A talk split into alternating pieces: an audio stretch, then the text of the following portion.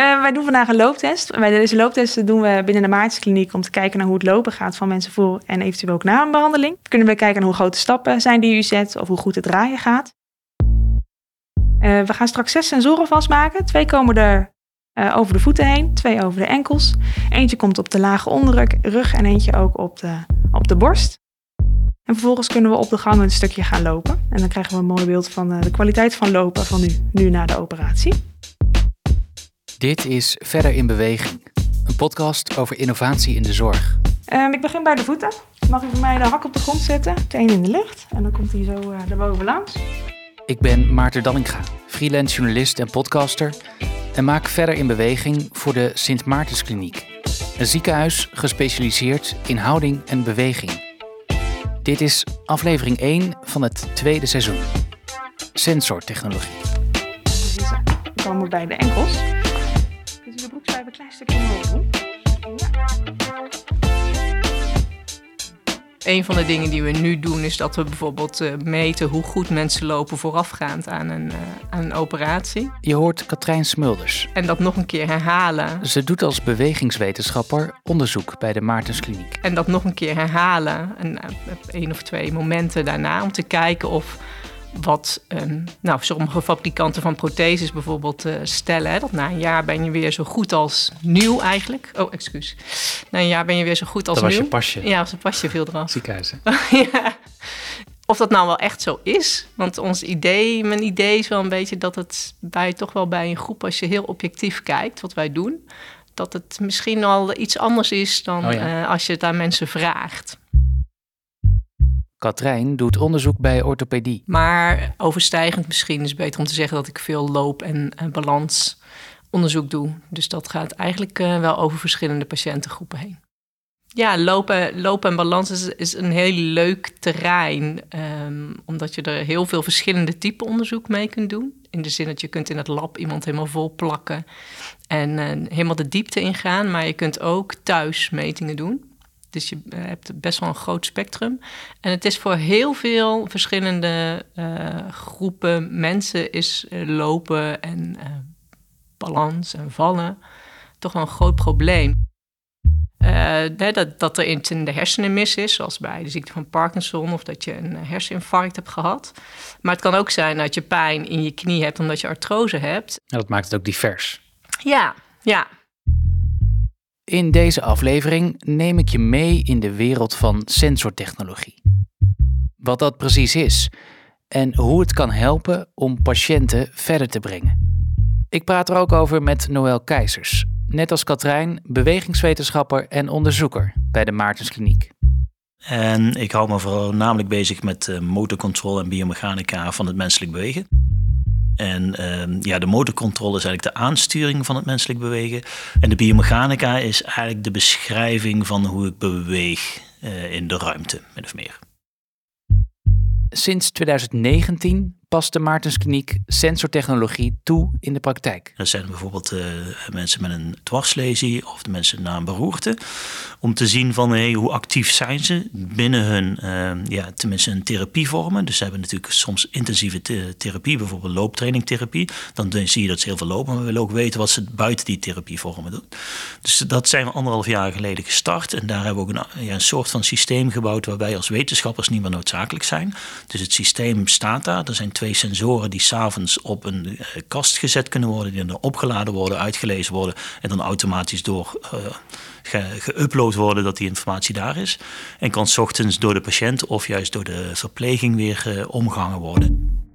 Daar hebben we ons beperkt tot uh, twee sensoren die we op de voet hebben geplakt. Uh, en ook nog een sensor die in het bed lag. En die bedsensor die gebruikt om te kijken wat de hartslag bijvoorbeeld in de nacht was, de ademhalingsfrequentie, hoe vaak iemand omdraait, hoe vaak iemand uit bed gaat. Dus dan heb je in ieder geval ook informatie over, uh, ja, over de nacht. Dat is wel een belangrijke sprong of stap voorwaarts, omdat je het uiteindelijk wil implementeren in de klinische setting tot dusver is dat ook nog weinig, of tenminste nergens anders echt op die manier gedaan. Binnen de revalidatieklinische setting hebben we twee groepen van uh, 12 uh, dwarslezenpatiënten en 12 patiënten met een beroerte. Dus dat is relatief weinig.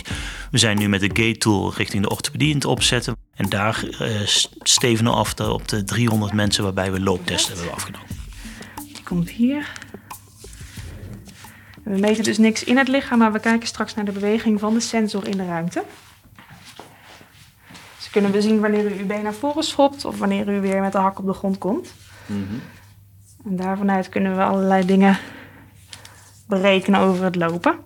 In zo'n sensor zitten eigenlijk uh, drie verschillende meetsysteempjes in.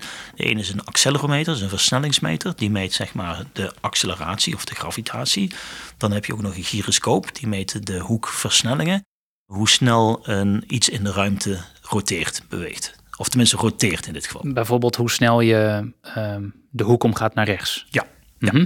En dan heb je ook nog een magnetometer en die uh, geeft aan waar het noorden is. Dus uh, hoe je dan in de ruimte uh, ja, hoe recht je loopt. Ja, bijvoorbeeld. En die combineer je dan tot allemaal en dan kun je met behulp van die combinatie kun je de oriëntatie van zo'n sensor in de ruimte bepalen. En hoe die oriëntatie bijvoorbeeld verandert, zegt dan weer iets van hoe mijn been in de ruimte staat of hoe mijn voet in de, in de ruimte bewogen wordt. Mm en ja, daar zitten allerlei behoorlijk wat technische aspecten aan vast. En dat proberen we zo goed mogelijk te doen, zodat we precies kunnen zeggen van oké, deze stap was 55 centimeter lang bijvoorbeeld, of deze was 76 centimeter lang.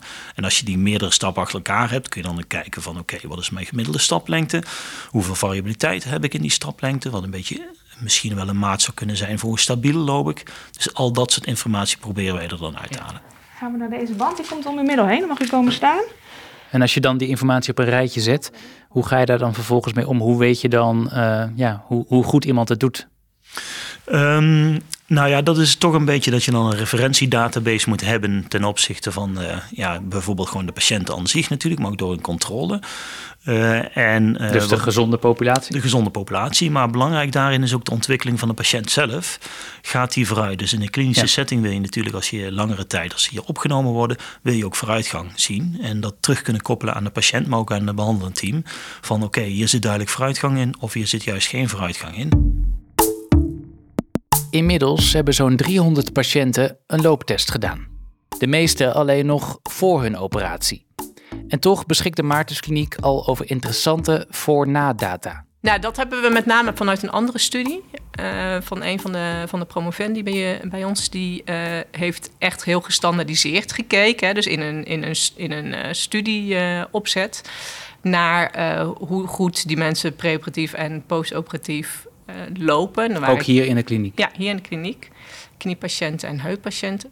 En uh, ja, wat we daar met name zagen is dat over het, als je naar gemiddelde kijkt, dan uh, gaat het na een jaar gaat het best wel heel, heel goed met, uh, met, met, met eigenlijk alle twee de groepen. Zowel mensen die een knie, nieuwe knie hebben gekregen als mensen een nieuwe heup hebben gekregen. Maar gaat het net zo goed als de fabrikant? Nee, Zegt gaat het net zo goed als, we hebben, als mensen die ongeveer van dezelfde leeftijd zijn, zoals zij lopen. En dat, en dat zie je eigenlijk op heel veel verschillende aspecten. Dus dan kijk je naar uh, hoe snel lopen ze, hoe snel draaien ze. Maar wat we bijvoorbeeld zien is dat je op uh, drie maanden, als ik dan komen, dat, ja, dat, het nog, dat het effect nog maar heel klein is, nog heel weinig verschil, verschillen zijn. Terwijl als je die mensen vraagt naar hoe het met ze gaat, zijn ze al ontzettend tevreden. Dus je ziet dan dat als je dat, dat, dat die, de ervaring van wat die operatie heeft gedaan, uh, nou, daar zitten ze al bijna aan het plafond van wat ze kunnen hebben. Terwijl als je kijkt naar, met een objectieve maat naar hoe goed is nou eigenlijk je loopfunctie, je mhm. draaifunctie, dat hangt dan echt nog wel nou, een beetje op het preoperatieve niveau. Voor sommigen wat slechter. Een hele nare boodschap om te brengen. Nou ja, een realistische boodschap, denk ik. je prikt een ballon door. Ja, nou ja, we hebben dat, die discussies die hebben we natuurlijk met de, met de artsen ook. Het is voor iedereen best wel toch wel een beetje nieuwe data. Dus we kijken dan van ja, uh, wat is dan belangrijk? Hè? Is het belangrijk dat de patiënt gewoon tevreden is? Of moet je gewoon heel objectief kijken naar wat je heb je nou echt gedaan? Ja, dat zijn verschillen, maar dat zijn heel verschillende domeinen. Dus het is niet zo dat mensen. Het is heel fijn dat mensen tevreden zijn we hebben wel het idee dat, met je, dat je met dit soort objectieve maten misschien ook wel de mensen die een beetje achter blijven hangen en kunt oppikken. Mhm. hè, en dat je op tijd zegt van ja, wacht even, dit is niet wat we, wat we, wat we willen. We moeten hier wat extra's doen. En er zijn ook mensen waarbij het eigenlijk na drie maanden al zo goed gaat dat je zou kunnen zeggen, nou, Hè, ik, ik hoor je verhaal en ik zie wat je doet. Wat mij betreft uh, hoef jij, hoeven we jou op één jaar niet meer terug te zien. Dus je kunt daar wel, dus het, dat, soort, dat soort informatie kan ook kan op individueel niveau ook echt helpen naast het verhaal wat de patiënt vertelt, dat je echt objectieve data hebt om dat wat meer te staven. Het mooiste aan het werk is het dat je toch de informatie eruit kunt halen die je eigenlijk met het oog ook ziet. Wat is dan de toevoeging van het meten met sensoren? Uh, als blote oog moet het blote oog continu mee gaan lopen. Ja. En dat is natuurlijk vrij arbeidsintensief. Dus als ik dat met sensoren kan doen en dat dan automatisch kan doen, dan kan ik gewoon heel eenvoudig 24 uur op een dag registreren. Ja. Zonder dat ik daar iemand hoef te vragen om achter iemand persoon aan te lopen en te uh, op te schrijven wat er gedaan is. Ja, maar het komt eigenlijk op hetzelfde neer dus. In principe komt er veel op hetzelfde neer. Al is het voordeel wel dat ik, uh, wij als wetenschappers willen alles objectiveren. Dus we willen ook getal en maat aangeven. En met het blote oog is het vaak heel moeilijk om daar getal en maat te geven. En krijg je natuurlijk een subjectief oordeel. Ja. Van ik vind bijvoorbeeld dat dit een goede beweging is geweest. Nou ja, een uh, systeem vindt gewoon niks. Dat heeft een bepaald iets geleerd of daar heb ik uh, waardes aan toegekend. Ja, precies. Wordt wel gevoed door mensen. Wordt wel gevoed door mensen. Uh, maar ook daar zeg maar, kun je uiteindelijk de fouten eruit halen. Dus als je maar voldoende voeding hebt, dan haal je die fouten er natuurlijk ook uit. En dan zal ik uitleggen wat de bedoeling is. Intussen in het zogeheten loopexpertisecentrum van de kliniek... Met de armen gekruist voor de borst. Dus begint de looptest. Zodra u staat mag u de armen weer laten hangen. En nadat u bent opgestaan mag u gelijk recht doorlopen. En dan loopt u naar deze stip. U gaat buitenom en slaat af. En bij deze stip mag u zich weer omdraaien op de plek. En dan loopt u dezelfde weg weer terug. Buitenom de stip en terug naar de stoel. En hier aangekomen mag u weer gaan zitten met de armen gekruist voor de borst. 3, 2, 1.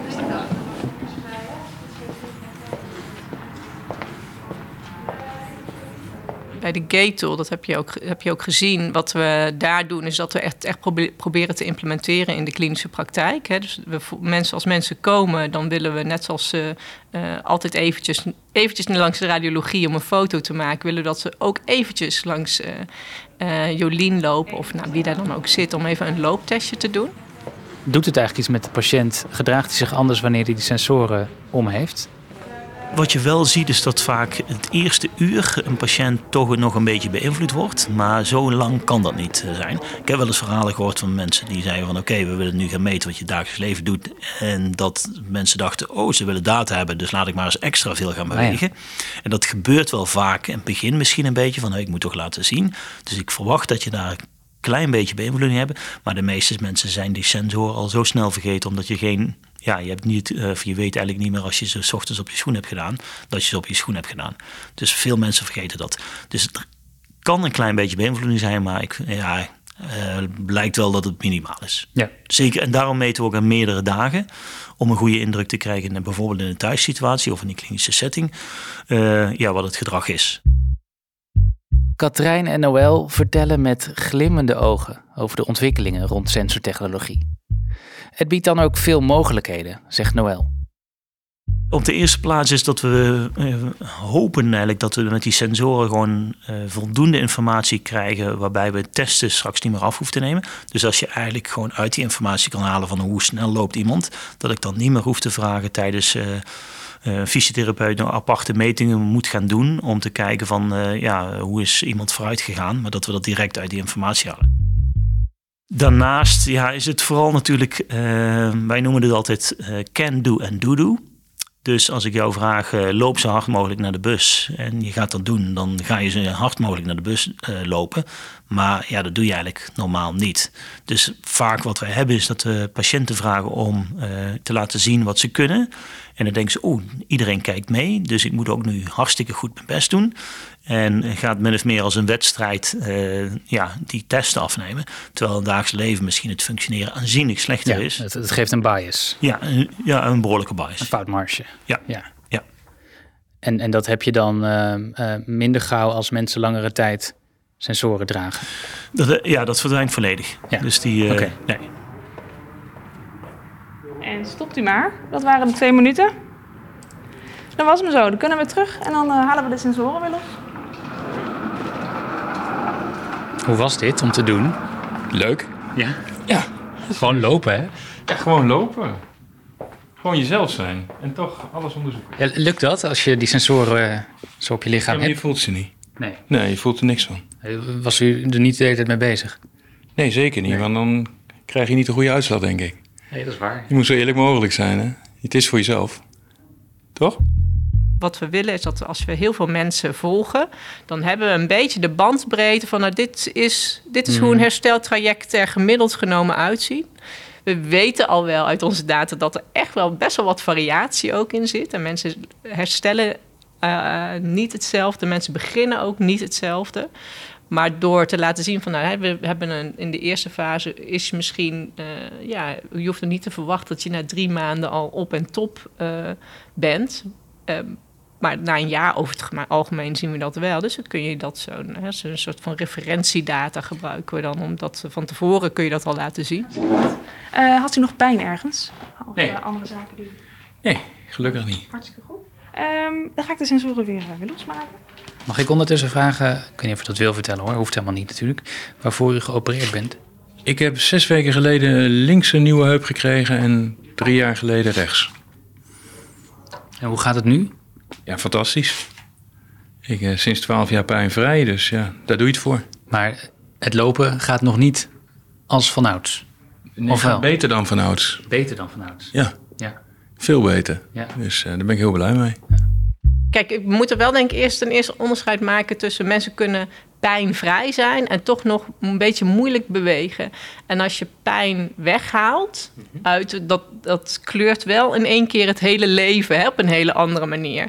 Ehm, dus, en als je vragenlijsten afneemt, dan zien we ook wel dat als je mensen vraagt naar hoe is je pijn en je vraagt ze eh, ook naar en hoe goed vind je dat je fysieke functioneren gaat, dat als pijn, eh, als er weinig pijn is, dan wordt de rest over het algemeen ook wel vrij positief ingekleurd. Ja. Dus dat is het, dat is het eerste. Want ik sprak net eh, bij een looptest eh, een patiënt en die zei, ja, als het zo blijft, het loopniveau zoals het nu is, zou ik het helemaal prima vinden. Nou, precies. Dus je kunt er ook wel, eh, ja, je kunt er ook wel verschillen. Ik weet niet of die heel goed liep of heel slecht liep. Ik zag nog wel wat. Ja, Moeite en, bij en dat kan. dus mensen wegen dat natuurlijk heel erg ten opzichte wat ze verwachten van een operatie, wat ze vinden dat normaal is voor hun leeftijdscategorie ook wel. Hè? ja, ja. En, en, en wat er voor een verwachtingen zijn. Eh, en wij geven dan één cijfertje. Maar je kunt in, in de applicatie die we maken, dus we, willen die data verzamelen, zodat dat te gebruiken en in te zien is voor de patiënt en voor de dokter en dat je het erover kunt hebben. En het is, hoeft helemaal niet interessant te zijn om die referentiedata daarnaast te zetten. Het kan prima zijn dat je zegt van hé, hey, we gaan. eh, ik, vorige keer liep je zo en nu loop je een stuk beter dit is prima en het maakt mij niet zoveel uit, inderdaad, of dat eh, nou beter is of slechter is dan de buurvrouw die even oud is. Voor onderzoekers is Is het natuurlijk wel interessant. Hè? Snap ik. Maar is het dan de keuze voor de patiënt om dat wel of niet eh, te doen? Of is dat de keuze van de arts? Ja, we zijn daar nog mee bezig om te kijken wat daar het beste in is. We hebben sowieso, hè, de, knop, de knop kan sowieso aan en uit.